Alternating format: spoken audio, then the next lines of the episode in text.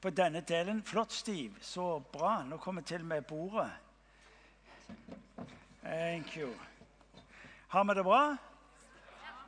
Hva da for? Ja, det, det, til deg som ikke vant så mye vant til Mimi, så er det slik at når jeg kommer inn i klassen, så spør jeg alltid hvordan har dere det Og så sier de bare bra, og så spør jeg hva da for? Og så I begynnelsen så lærte de å si jo fordi Gud var der, men etter hvert så ble det fordi du er her.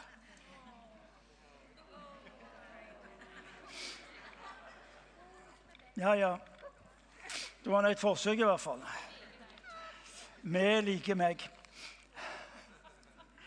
Um, det er ikke alltid at Jeg tror ikke det er alltid vi er klar over her i huset hva, hvor mye som skjer rundt oss. Sist uke var det altså Godhetsfestivalen, hvor altså flere hundre mennesker berøres av Guds nåde. Godhet er lik nåde. Godhet er dette her sånn ufortjente, eh, betingelsesløse at mennesker berøres av Guds godhet.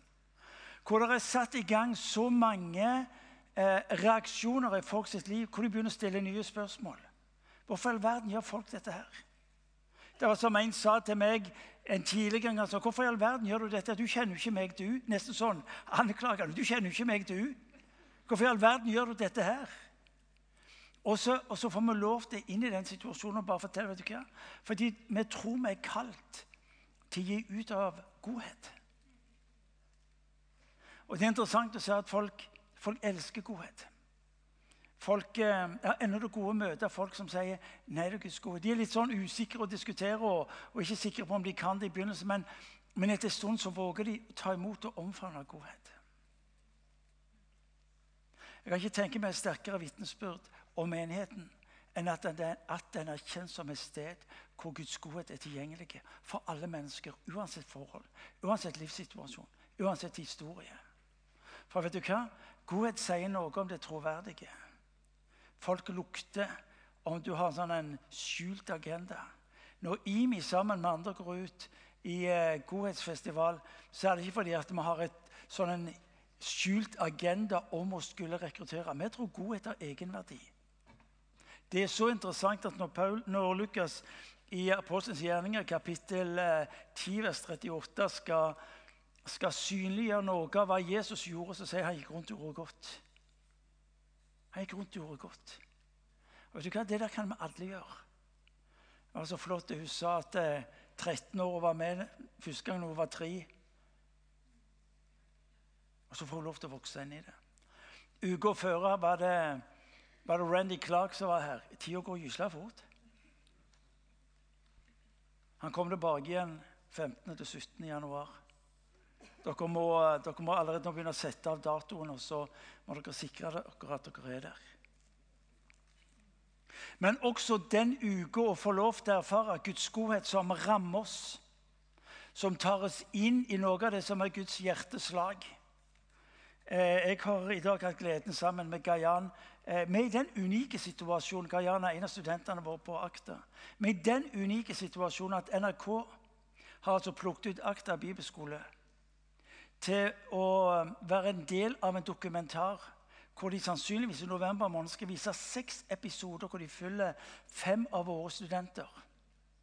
Fem av våre studenter. Det livet de eh, har, og den tro de lever i, eh, skal leve ut. Og, og, så får vi se hvordan noe vokser fram eh, gjennom disse programmene. Og jeg tror det skal være et vitnesbyrd eh, om en Guds godhet som berører mennesker der ute. Gayan og meg satt i dag i et intervju i nesten to timer. og Gayan stilte spørsmål, og jeg prøvde å svare. Og, og de kom inn og sa kan du se det på en litt annen måte. og Vil du ikke skal endre svaret slik at det passer? Nei, nei, nei. nei. Men, men det å være gjenstand for denne nysgjerrigheten for omgivelsene De hadde et langt intervju også med Randy. Randy Clark, som var her for uh, litt over en uke siden. Denne verden den lengter etter å erfare av Guds godhet. Og du og meg du og meg er de eneste som kan gi den videre. Sammen med de andre som vil være Jesus-troende. Som vil være en etterfølger av Jesus Kristus. Og, og det går for meg mer og mer at de hører på våre ord etter at de har møtt Norge først. Når vi ser eh, bokstavelig talt Guds rike gå fram i Kambodsja, så er det fordi de først har erfart at Guds rike har slått ned og møtt nøden. Fysisk nød, materiell nød, følelsesmessig nød. En Gud som handler. Og så har det vært fascinerende den siste uke få vitnesbyrdene, møte foreldre som forteller om, om guttungen som, som ble helbredet, og de ser hvordan helbredelsen fortsetter å utvikle. De forteller hvordan guttungen sleit med andre ting, og så, og så blir det også bedre. Jeg leser på Facebook om, om ei som skriver om, om, om eh, melkeallergi som jeg ikke har lenger. Og så, og så er det sånn vitnesbyrd på vitnesbyrd om, om hva Gud har gjort i mennesker sitt liv. Folkens, vi holder på å eh, vandre inn i ferien, men før du skal få ferie, så møter du altså et Guds rikes nedslag mellom oss. Og Jeg synes det er et utrolig, kjenner på en utrolig glede, takknemlighet, for at jeg får lov til å være en del av det. For at jeg tror dette skal ha konsekvenser for byen og landet vårt osv. utover. Og du er en del av dette her. Du er en del av dette her. Og Det er langs de linjene jeg eh, opplever at Gud ønsker å si oss noe i dag. Eh, og det er, eh, det er to ord som jeg vil du skal få med deg fra denne dagen. Og hold nesten på å si, Får du med deg de to ordene, så har du i essens fått tak i hva det vil si å leve et kristenliv. I essens. Så enkelt skal det få lov til å være. Eh, I Markus evangeliet, kapittel 1, vers 17 eh, versene før så har Jesus sagt noe om et rike som er kommet nær. Han har sagt noe om omvendelse. Og så formuleres på et vis kristenlivet i to ord. Og ordene er 'følg meg'. Følg meg. Og der går du og meg vil våge å leve i disse to ordene skjer det en forvandling av ditt liv, mitt liv og de som er rundt oss. Det interessante er at Bibelen taler lite om å bli fulgt av, men taler mye om å følge etter. Fordi at når du følger etter, skjønner du hvorfor du må motta. Jesus sa, 'Gå ut og ta Jerusalem, Judea og Samaria, like til jorden sine, men bli først fulgt opp.' Dere skal først motta. Når du hører ordene 'følg meg', så vil jeg du på et vis skal glemme alt det du har hørt om hva det vil si å være en kristen. Ja, men det er ikke lett, sier du. Nei, det er ikke. Prøv. Den som taler inn i ditt og mitt liv, den som nå snakker til deg og meg, er ikke primært av Martin Cave. Men det er allmaktens Gud som sier til deg og til meg 'følg meg'. Tenk deg, den, tenk deg på den unike situasjonen at allmaktens Gud ser ned på deg og meg og sier han, 'Følg meg'. Det du og meg skal slippe å si Du og meg skal slippe å si 'Gud, vil du følge med meg?' Det er ikke slik det er. Du og meg skal altså få lov til Du og meg skal altså få lov til å starte livet med denne virkeligheten at allmaktens Gud bøyer seg ned og sier 'følg meg'. Hva vil det si å være en kristen? Det å få lov til å være en etterfølger av Han som har skapt, som opprettholder. Det er Han som har sagt at 'jeg dør i ditt sted på en slik en måte at du aldri noen gang skal kunne definere deg ut forbi og si 'jeg får ikke lenger være i fylle med Han'. Hva vil det si å være en kristen? Det, betyr å være en Jesus-etterfølger. Og det, Om du ikke husker noe annet med det, som jeg sier så har du fått tak i det viktigste. Forsoningens mål når Jesus dør på et kors, det er at det som var proklamasjonen over mennesket Deres synder og misgjerninger har gjort skilsmisse mellom dere og deres Gud, er rydda vekk. Og så sier han nå Følg meg. Følg meg. Han som, eh, når han dør på et kors, tar din og min plass, så vil han at du skal få tak i at alt det han har, har han for deg nå, når du følger han. Når han dør på korset, så har han ett mål. Det er at du skal få alt det han er. Du skal få alt det han har. Og så lyder ordet til han. Det er å holde deg nær til han. Det er hold deg nær til han. Hva er kristendom? Kristendom må være en Jesus-etterfølger. Så enkelt er det. Så enkelt er det. Det er ikke bekjennelsen din om at jeg er en kristen, eller hva det nå måtte være. Det er ikke at du har fått navnet ditt ført inn i et eller annet dåpsregister. Det er ikke om du går i ei kirke, det går ikke om du leser i Bibelen.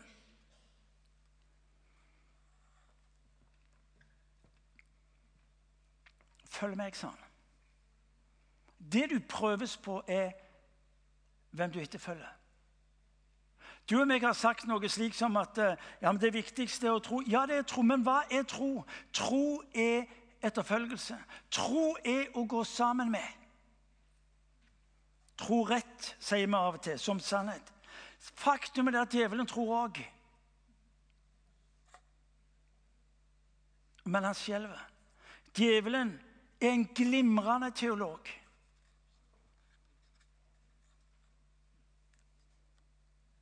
Men djevelens tro fører ikke til etterfølgelse.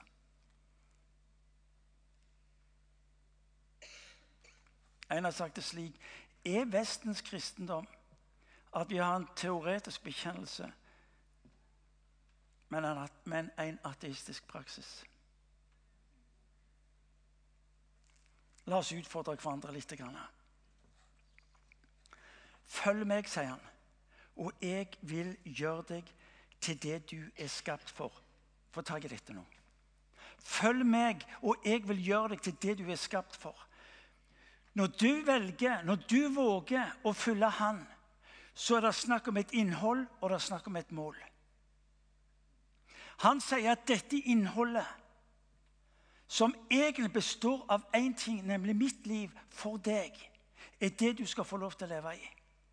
Og mitt mål for deg, det er den himmel som du en gang tapte som en del av menneskeheten.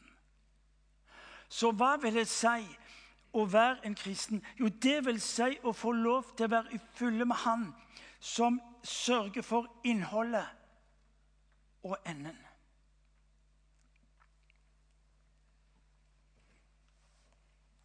Følg meg, og så vil jeg gjøre deg til det du er skapt for. Hva innebærer det? Hva innebærer det å være en Jesus-tilfølger? Jo, det innebærer at uh, han som sa 'følg meg', betyr at han er foran meg. Jeg fikk et uh, nydelig vers av, uh, av Mathilde før jeg skulle her opp. Jesajas 41.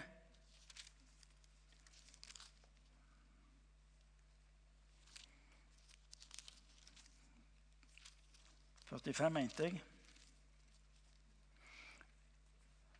Jeg vil gå foran deg. Når han sier 'følg meg', så er det et løfte på ditt og mitt liv at jeg vil gå foran deg. Ja, Det er logisk, skal du si. Ja, Det ser ikke du og meg alltid. For det du og meg hører, det er 'følg meg'.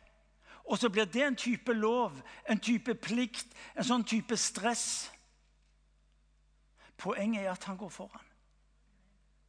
Poenget er at han går foran. Mine tider er i hans hender.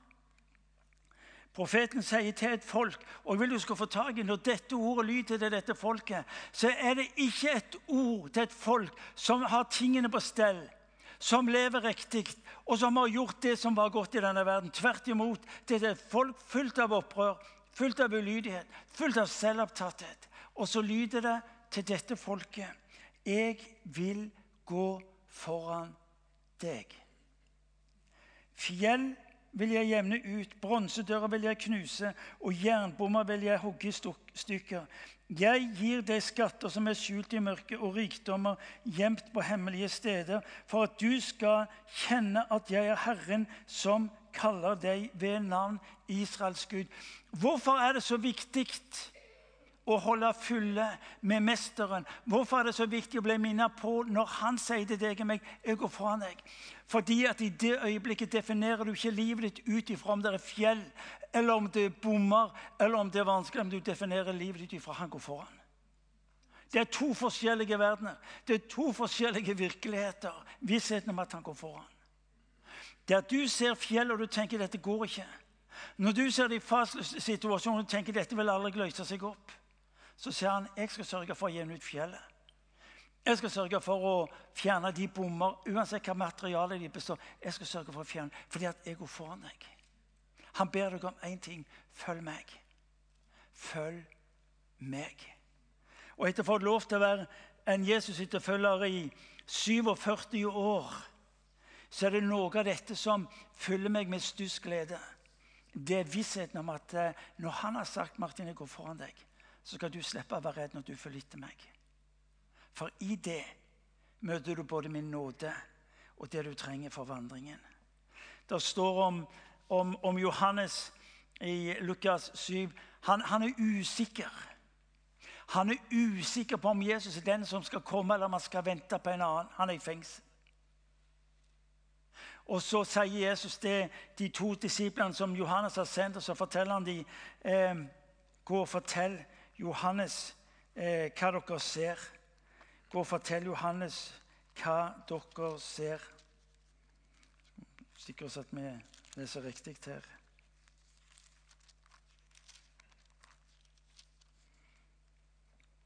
Gå og fortell ham hva dere har sett og hørt.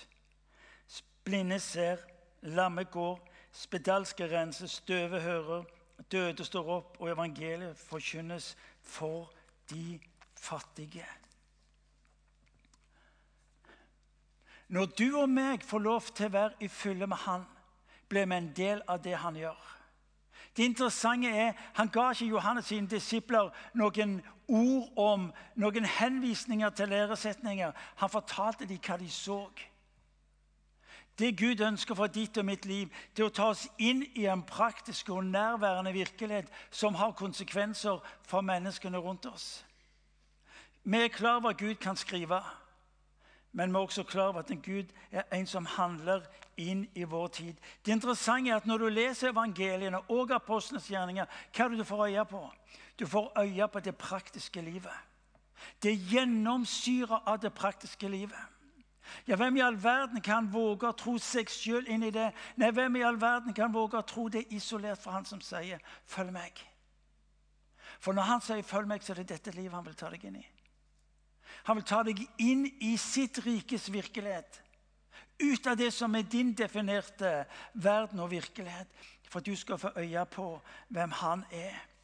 Evangeliene er på mange måter en sånn en modell for oss som han tar oss inn i, slik at vi skal våge å leve det som han holder på med. Tro er, tro er etterfølgelse. Tro er etterfølgelse. Hver morgen hver morgen kan du få bekjenne det er for denne dagen jeg er skapt. Når du våkner om morgenen, så kan du si det er for denne dagen jeg er skapt. Når vi nå feirer pinse som ligger bak, så er pinse egentlig motta for å gå. Nytestamentet er egentlig skrevet av pinsevenner. Det er et faktum at da, faktum at da eh, vekkelsen i Azusa Street starta i 1906 I løpet av seks måneder så var vekkelsen spredt til tre kontinenter. Hvor hundretusener av mennesker ble berørt uten Internett, uten fjernsyn. Men ved en, ild, en ildens brann som skapte, og de ble kjent for et Guds rike som hadde slått ned. Følg meg. Følg meg i hans ord til deg og til meg i dag. Ja, Det er så mye jeg ikke forstår, det er ikke så mye som jeg ikke får holde Han sier det gjør ikke så farlig, bare følg meg. Ja, Det var så mye jeg skulle ha kunnet. Han sier bare følg du meg. Når Jesus tar avskjed med disiplene sine i Matteus evangeliet, kapittel 28, så sier han gå ut og gjør alle folkeslag til mine disipler det dere lærer dem å holde. Holde betyr ikke å huske. Vi har endt så fort opp med å lære, hjelpe dem til å huske det jeg har sagt dere. Nei. Lær dem holde. Gjør. Praktisk hverdag. Godhet. Vi har en drøm om å se alle norske menigheter våge godheten som en synlig størrelse mellom seg, med konsekvenser for det sted, den by som disse menighetene holder til i. Kan du tenke deg det bildet når, når vitnesbyrdet om menigheten var som vitnesbyrdet var med Jesus? Han gikk rundt og gjorde godt. Stavanger og Sandnes, Sola, Tananger, Bergen, Trondheim Det, det ryktet som vokste fram om menigheten over hele landet, vet du hva? Det er godhet. Kirka blir synonymt med godhet. Kirka blir synonymt med raushet. Ikke slapphet, ikke utydelighet, men ei kirke som er kjent for godhet. Han gikk rundt og gjorde godt. Vi har en drøm om derfor Godhet Norge. Vi har en drøm om å se hvordan godheten vokser fram. Fordi alle kan være med på den. 13 år. Jeg har vært med siden jeg var tre. Alle kan være med på godhet. Det er ingen slags spesielle kvalifiseringskriterier. Alle kan være med. Men den andre delen som står i Apostelens gjerning, kapittel 10, vers 38, han satte de fri som var bonde av Satan. Folkens, det er vanskeligere. Men det ligger ikke mindre på Guds hjerte. Når du leser godhet og helbredelse, så er det noe som ligger på Guds hjerte. Og Når du sier ja, men jeg har prøvd så mange ganger og bedt, men det var ingenting som skjedde, så sier mesteren til deg ja, men du skal holde deg til meg, og så skal du og meg gjøre det. Min drøm er å høre at kirka i Norge blir kjent for sted. Er du syk, ja, da må du gå i kirka. Har du problemer med livet, da må du gå i kirka. Hvem er vi som har sagt at eh, jo, i beste fall kan vi gi rom for godheten? Mens det andre som kjennetegna mesteren, det var helbredelsene. Ja, men der Folk blir ikke helbreda. Så ja, men det er ikke ditt ansvar. Han har bare bedt deg om å be. Når du tenker ja, men det skulle Så bare be, du. Bare fortsett. Jeg har fortalt før om Chris Gore, som er leder av Healing Room, altså helbredelsesrommet i Battle Church i Reading. Han skriver i sin bok er bare for 1000 mennesker, så ingenting skjer. Men jeg var så desperat etter å se noe skje at jeg benytta enhver anledning til å lære og henge med de folka som hadde det. Så jeg tilbød meg sa han, jeg meg å kjøre de som hadde en tjeneste opp mot det overnaturlige. Uansett hva tid det skjedde, så var jeg der sånn. Jeg ville ha tak i det. Og Så forteller jeg Chris går at en dag så skjer det en endring. Og Så ser han et gjennombrudd i sitt eget liv. Og så får han se hvordan altså, hundrer av mennesker etter hvert som tida går bare blir berørt av evangeliet og blir satt fri. Samtidig som Chris Gore hver dag må bære sin egen multihandikappede datter inn og ut av bilen, inn og ut av huset. For han får ikke se hun blir frisk. Han sier det er ikke mitt ansvar. Mesteren har bedt meg om å gjøre en ting, og det helbreder de syke. Jeg gjør det, og så skal jeg fortsette å be for min datter. Følg meg, sier han. Hvorfor er han opptatt med at du skal følge han? Jo, fordi hvis du følger andre, så blir du motløs. Du gir opp. Du har ikke tro på det lenger. For hvis det er han som fyller synsfeltet ditt, vet du hva? da har du det du trenger for å fortsette vandringen videre framover.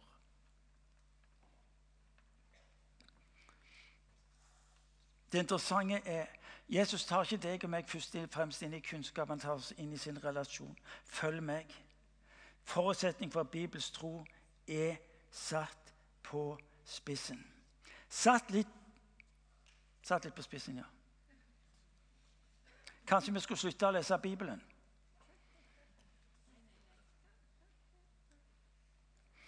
Kanskje du skulle slutte å lese Bibelen for en stund, for Bibelen har for mange blitt en sånn greie jeg må lese, for jeg er jo kristelig. Det er godt mulig du skal snu litt på det så skal du si ok, jeg vil starte med å følge etter den. For så når jeg møter de ulike situasjoner og går til Bibelen, sier jeg hva står det om, i Bibelen om dette? Hvor Bibelen blir ei håndbok for livet ditt. I dag så pløyer vi gjennom noen vers og ok, bra, Fader vår, så er jeg ferdig. Kanskje du skal droppe bibellesinga for en stund. Fordi du skal gjøre noe annet først. Du skal si 'Jesus, la meg få lov til å følge deg'. Og så tar du meg inn i de situasjonene. Hva, jeg trenger, hva, hva, hva sier du, Jesus? Hva gjør du nå? Hva betyr dette i mitt liv? Og så blir altså Bibelen ei håndbok som du går til. Når det er snakk om nøden og smerten Herre Jesus, hvordan møtte du nøden? Og, smerten? og så blir Bibelen ei bok jeg går til for å lære. Hva skal jeg svare her på det som Og så vet jeg ikke hva jeg skal Og så går jeg til Hva gjorde du når du fikk spørsmål som var håpløse? Og så møter du mennesker som er syke, så blir spørsmålet ja, men Jesus, hva, hva gjorde du med de syke? Og så blir det ikke et definisjonsspørsmål om det er Guds vilje eller ei. Altfor mange som uttaler seg på Herres vegne når det gjelder sykdom. Men Jesus, hva gjorde du når du Og så blir altså Bibelen ei håndbok for meg for livet. Ja, Daniels bok Skal vi som har tenkt å begynne å slutte, som de sier. I Daniels bok i begynnelsen så leser jeg beretningen som jeg merker gjør et dypt inntrykk fra kapittel 1. Les gjerne Daniel 1. Les gjerne Daniels bok og utover. Daniels bok tilhører ei gruppe av håndplukka unge menn. Alt hva de var tilnærmet perfekt. Og kongen i eh, Babylon, Nebukadneser, han ønsker å gi disse det ypperste. Ta de inn i sitt hoff, la de få mulighetene, la de få lov til å utvikle seg. Men de skal følge bestemte kriterier.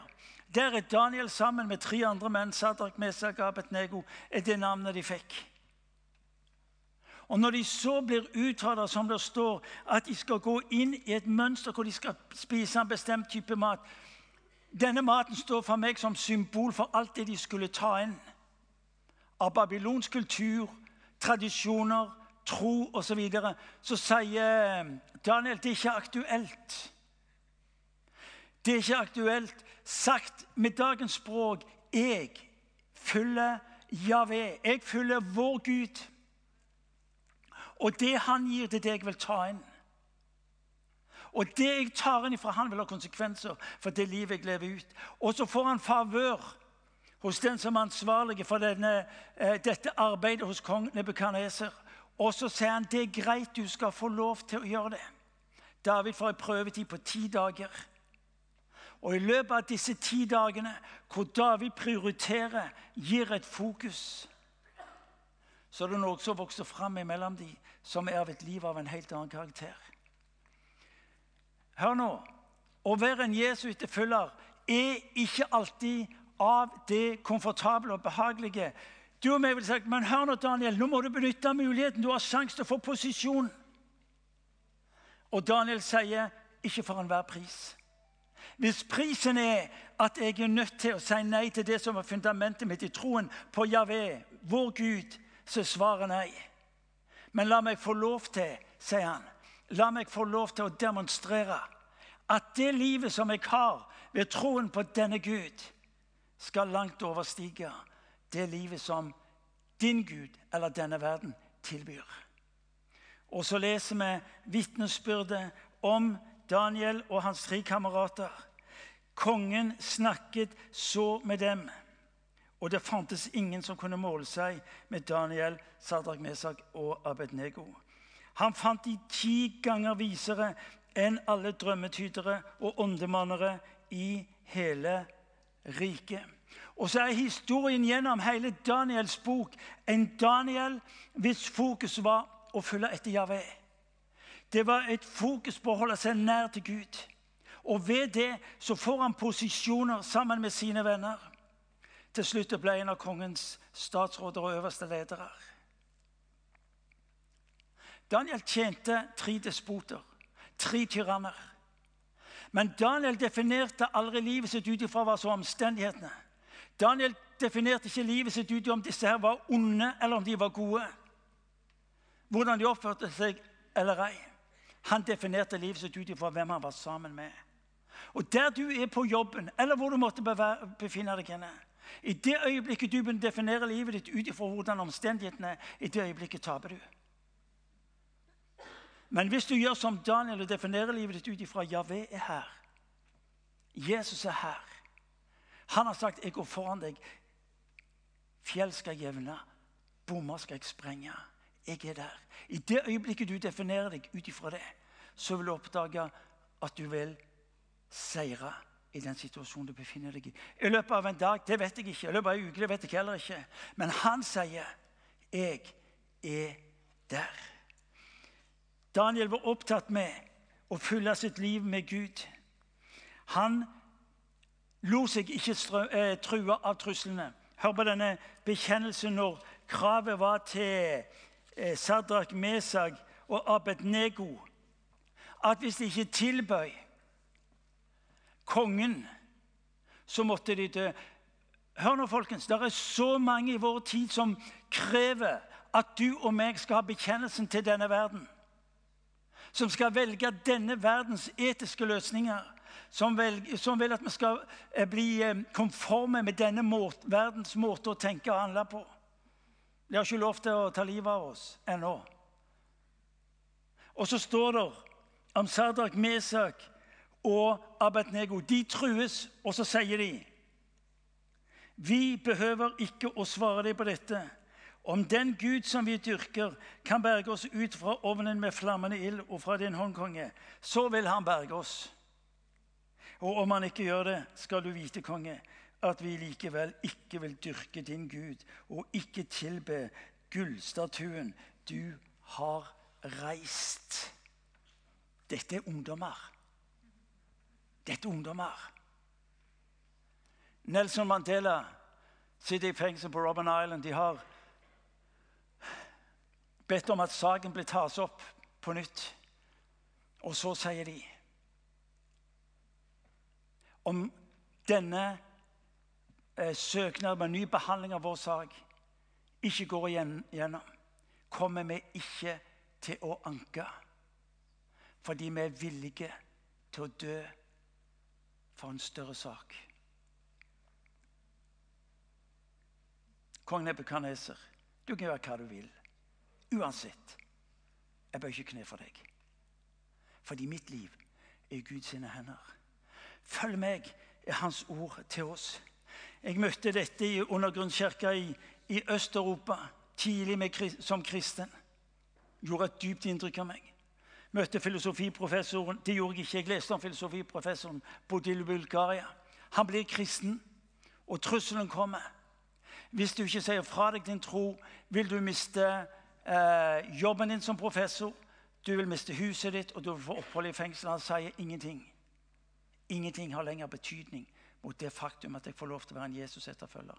Han endte opp med å feie gatene i Sofia i, i Bulgaria. Men ingenting kunne ta fra han gleden han hadde av å skulle få lov til å være en Jesus-etterfølger. Tenk på Leif Hetland. Vi tror det må være fantastisk å få lov til å reise til, til Pakistan og være en del av det som, som Leif Hetland opplever i møte med tusenvis av, av uh, muslimer. Jeg skal fortelle dere jeg snakket med Leif Hetland for 14 dager siden. Når han snakker om det marerittet som det er både å være der, for så når han kommer hjem og måtte leve i det samme fordi at det er den åndelige kampen det er å skulle stå der inne. Da, da, da lød en profeti på Leif Hetland sitt liv. Jeg skal føre deg til de mørkeste steder. Hør nå, Å være en Jesu etterfølger betyr også at du blir satt tatt til steder hvor det er svartere enn svartest. Men ikke trekk deg, for det var Guds plan. Når du ser jobben og tenkte 'for en jobb', ikke trekk deg. Ikke søk primært den jobben hvor det bare er kristne. Ikke trekk deg fordi at han har et ønske om å se et lys tent i det mørke. Følg meg. Hva er utgangspunktet? Utgangspunktet når han sier til deg og meg at du er min sønn. Når Jesus blir døpt i Jordan av Johannes, så lyder det over livet hans før han har begynt på tjenesten.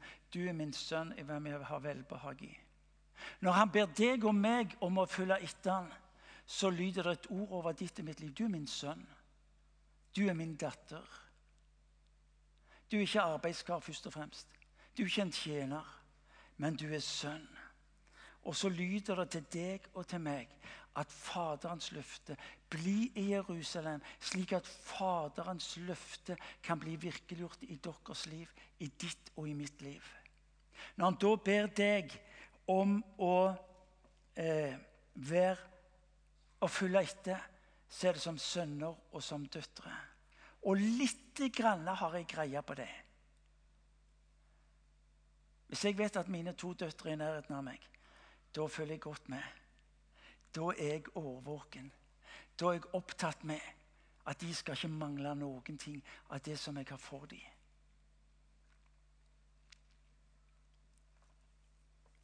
Vi må begynne å slutte. Men vi er nødt til å få par-tre slike Wow, hva er dette? Det er ikke sikkert at du fortsetter. La meg si Det sånn, det er ikke sikkert du fortsetter i det du begynner på.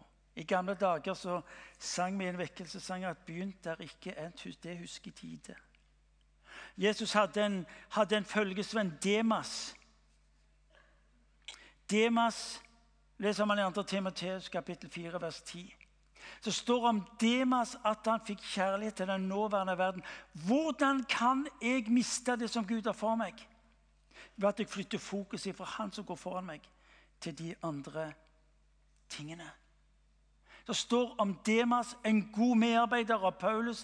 Han fikk kjærlighet til den nåværende verden. Og de fleste av oss ville sagt ja, men det trenger ikke være gale, det. Nei, det trenger ikke være gale.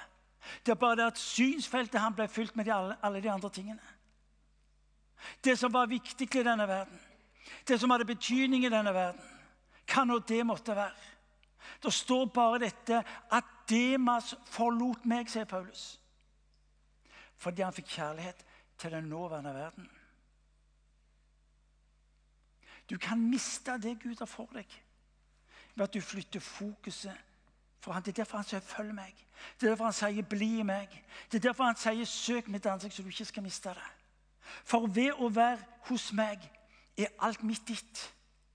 Men i det øyeblikket du flytter fokuset, så er det alt denne verden som det den rekker deg, som vil være ditt. Og legg merke til, Jeg sier ikke at det verken er stygt eller gale. Jeg ser bare det tar plassen. står Johannes' åpenbaring kapittel 3, vers 20, så står det om Jesus at han står uforbi. Det står 'Se, jeg står for døren og banker'. Dette er sagt til en kristen menighet. Og du og meg kan tenke Hva betyr det? Er han utenfor? Det var heller ikke der at det var noe som menigheten hadde gjort som var feil. Det var bare det var fullt av andre ting. Det var ikke plass. Husker en god venn av meg som, som var omreisende eh, predikant. For denne beretningen gjorde så sterkt inntrykk på han, Knut Svein. Han forteller han kom et sted, det var sent på kvelden. Går inn i resepsjonen sier du han hatt et rom, og så sier de beklager, men det er fullt. Ja, men det gjør ikke farlig, det sånn. jeg har penger til å betale for. Det skulle gå bra. Nei, det er fullt. Jo, jo, men hør nå. Jeg har nok. Jeg trenger det jeg må ha for å betale. Og så sier han i skranken, hør nå, det er fullt. Hva er det du og meg følger opp livet mitt vært med? Som gjør at fokuset vårt skiftes. Vi gledes over helbredelser, vi gledes over godhet. Men du og meg står alltid i fare for å miste det. Om vi ikke glemmer hans 'følg meg'. Følg meg. Når du kjenner at livet plutselig blir annerledes enn det du har tenkt på, kan det være fordi du har skifta fokus. For mange er det problemet. Jeg har fått problemer på jobben. Nei, du har ikke problemer på jobben, du har bare mista fokus. Ja, det var ting som skjedde, og du skulle bare visst hva som skjedde. Ja, det er mulig, det. Men problemet ditt er primært ikke det du tror det er. Problemet er at du har skifta fokus. Problemet er at du har skifta fokus. Når han sier 'følg meg'. Hva er det som hindrer meg i å følge Jesus? Synd er egentlig og Du kan si at dette var alvorlig. Ja, klart det er alvorlig. Fordi synd er nemlig å plassere seg utenfor Jesus. Vi har mange sånne snevre betegnelser på hva synd Synd er dypest sett å plassere, plassere meg utenfor Jesus. Eller å plassere Jesus vekk. Vi driver på å ramse opp en hel masse med småting. Det er bare konsekvenser det jeg nå sier. Hans tilgivelse er å hente deg inn igjen Tilgivelsen hør nå, tilgivelsen har et fokus. Det å hente deg og meg tilbake.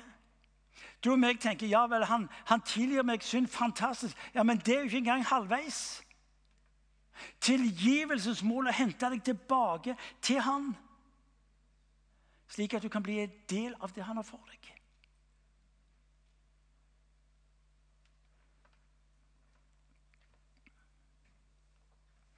Bli med på det som Gud gjør. Kristendommen har for meg godt mulig å ha med alder å gjøre, er blitt veldig enkel. Det å gjøre Jesus til utgangspunkt for dine spørsmål. Jesus, hva ser du? Jesus, hva gjør du? Hvordan handler du? Og så kan du si ja, det er jo ikke så enkelt, kan du si, hvis du husker hva som står i Bibelen. For, for det var jo egentlig det Jesus gjorde. Det står der at menneskesønnen gjør ikke noe uten å se hva sin far gjør. Hva faren sier, hva han ser. Jesus styrte sitt liv etter hvem han fulgte etter. En menneskesønn kan ikke gjøre noen ting, han. Uten at han ser far gjøre det. At der vil jeg være. Der vil jeg gjøre?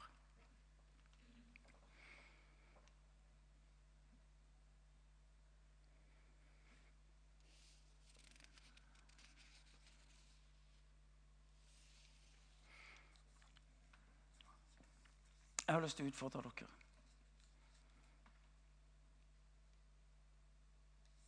Når jeg leser Bibelen, så slår det meg igjen og igjen hvor enkel Gud egentlig har gjort det.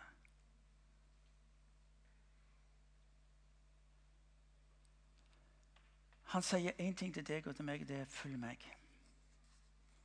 Og så skal du se du har nok med det. Og det er det du, valget du inviteres til å ta.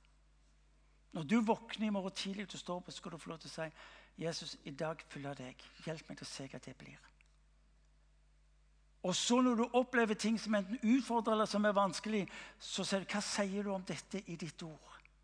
Hjelp meg til å se det. Hjelp meg til å lære av det til å lære av det, slik at jeg kan lære av det til neste gang.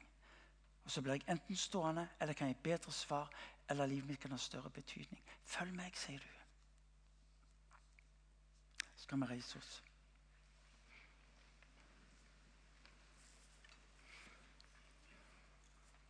For noen av dere for noen av dere så er det å gjøre dette jeg kunne nesten bare si enkle. Det å våge bekjennelsen Jesus, jeg vil følge deg. Og Når jeg ser på dere som er her inne, så tror jeg at det gjelder dere alle sammen. Dere har ett ønske jeg vil følge Jesus. Men vi har gjort det til en type bekjennelse som vi har lagra her oppe. Mens det vi kalles til, det er til en bekjennelse hvor vi er nær Han. Og så vil jeg utfordre deg på å i morgen, enten det er jobben eller familie eller skole, eller hvor det måtte være henne. Når du opplever det vanskelig, når du opplever det mørkt, når du opplever det annerledes, så skal du huske ordet fra Jesajas kapittel 45, hvor han sier 'Jeg går foran deg'. Jeg går foran deg. Når du ser det som skulle vært annerledes, så ser han hva han vil gjøre. Når du opplever det som er umulig og håpløst, så skal du vite han ser hva han vil gjøre. Det er alltid for tidlig å gi opp. Alltid for tidlig å gi opp. For han vet hva løsningen han har på det du opplever er håpløst. Han vet hva løsningen han har på det du ser som bare mørke. Men mange av oss gikk glipp av det fordi vi snudde. Og vågte ikke være lenge nok til at vi så at lyset ble tent. At håpet ble tent.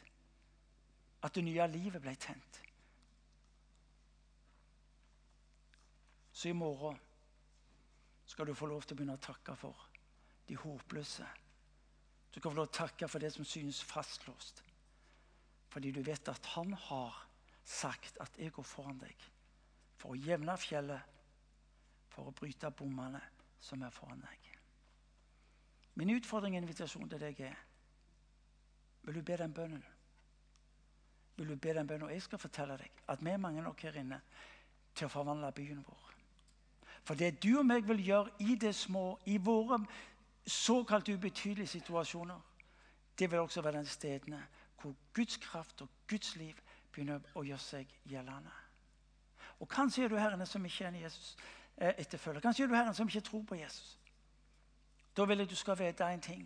Han dør på et kors for at du skal få lov til å ta imot det som er hans frelse for ditt liv.